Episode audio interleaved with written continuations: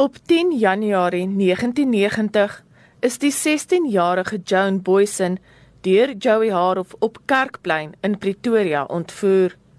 Sy is na Gert van Rooyen se huis in Malherbestraat in Capital Park geneem. Sy is geboei, seksueel aangerand en in 'n kas toegesluit. Boysen het daarin geslaag om te ontsnap en alarm te maak. 5 dae later is van Rooyen en Harof gesien waar hulle na hul huis gery het. Twee polisielede, Rudy van Oost en Don Chandler, het hul huis dopgehou en hulle agterna gesit.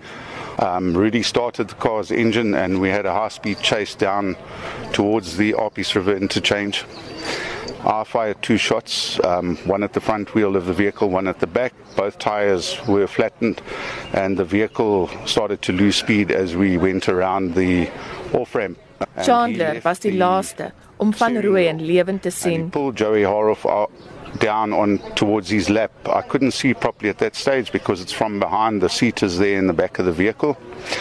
Um, Rudy brought the vehicle to a halt almost. I jumped out with a pistol in my right hand and ran towards the vehicle and tried to open the the door, which was locked from the inside. And I'd heard the shot in that in that period somewhere. He obviously shot Joey in the back of the head, but I did not see that happen. I heard it.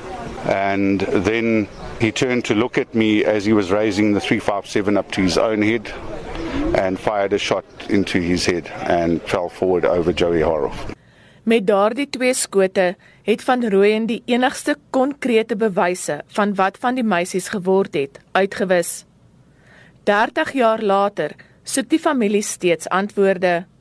Die 11-jarige Odette Belcher was van Rooyen en Haarhof se vierde slagoffer. Haar pa se naam is George. Sy het altyd nie aand as sy gaan lê het, dan het sy my geroep en gevra, "Pa, kom lees vir my storie." En dan moes ek nou maar opstaan, maak nie saak waar ek was nie, dan moes ek nou vir hulle storie kom lees.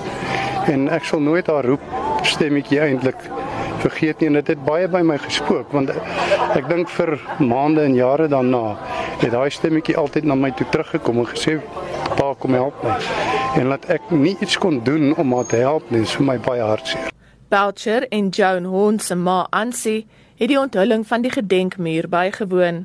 Hierdie ding beteken vir ons as ouers geweldig baie. Dit bring weer die hele saak na vore toe vir ons en ons hoop die doel hier agter is om die publiek te bereik en die mense wat wel iets weet om teen die saak na vore te bring en vir ons inligting te gee sodat ons kan afsluiting kry uh wat met ons kinders gebeur het 30 jaar gelede. En die hartseer bly maar nog diep daar. Dit gaan nie weg nie maar ons ons geloof en ons hoop is net so sterk en dit sal ook nooit weggaan nie. Voet- en mondkunstenaars het blomme geverf wat elk van die vermiste dogters verteenwoordig, sowel as vir Joan Boysen. Temba Olifant is een van die kunstenaars. Uh, this Gert van Rooyen saga, I think it's one of the dark episodes in South Africa due to, you know, little children having their lives ended uh, before they could uh, even blossom to become fully fledged flowers, as our paintings depicted. 'n Geel lelie vir Tracy Lee Scott Crossley, 'n wit daisy vir Fiona Harvey, 'n rooi poppie vir Joan Horn, 'n pink roos vir Odette Belcher, 'n rooi aronskelk vir Anne Marie Wappenaar, 'n rooi hibiscus vir Jolanda Wessels en 'n geel gousblom vir Joan Boysen, die meisie wat weggekom het. Afdrukke van die blomme is teen die muur van van Rooyen se eiendom aangebring. Die oorspronklike kunswerke gaan vir die ouers en familie van die vermiste meisies gegee word. Belcher sê die roos is perfek vir sy dogter. Sy was 'n baie sprankelende kind gewees, vol lewe. Sy was 'n goeie atleet. Sy het in Noord-Natal geswem en so aan. Sy was 'n baie goeie swemster as sulks. Uh, miskien nie een van die slimste dogters in haar klas nie, maar altyd na my toe teruggekom en vir my gevra pa, help my hiermee pa, help my daarmee.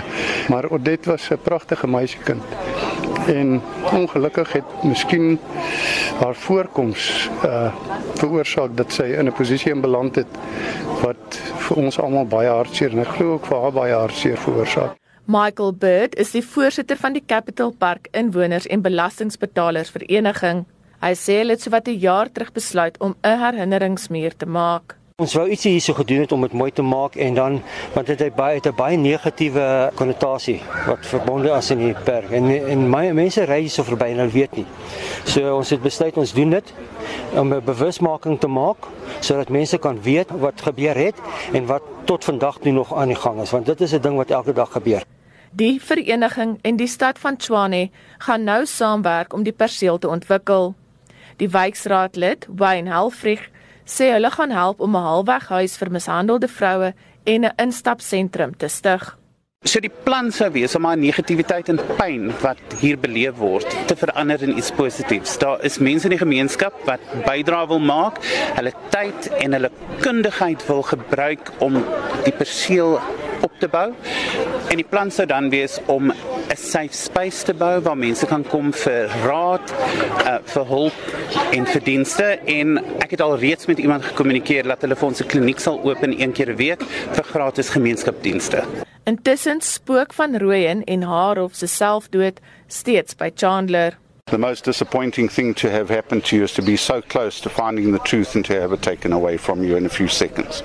And I think that's every policeman's nightmare. So I don't get rest from it. I think about these children every day and other children that are abducted in the countries. Chandler van Olst en 'n groep vroue gebruik hul eie hulpbronne om steeds die saak te ondersoek. I really think that we're dealing with a pedophile network and a syndicate in that sense. There's a lot of information that points to it, and that's sort of my concern at the moment. There's a possibility that some of them, I don't want to upset the families or any of the people, but I have my own impression of some of them that might have been dead within a few days. Die families van die vermiste meisies ondersteun Chandler se ondersoek. Hy het enige iemand met inligting gevra om na vore te kom. Ek is Lila Magnus vir SAK nuus in Pretoria.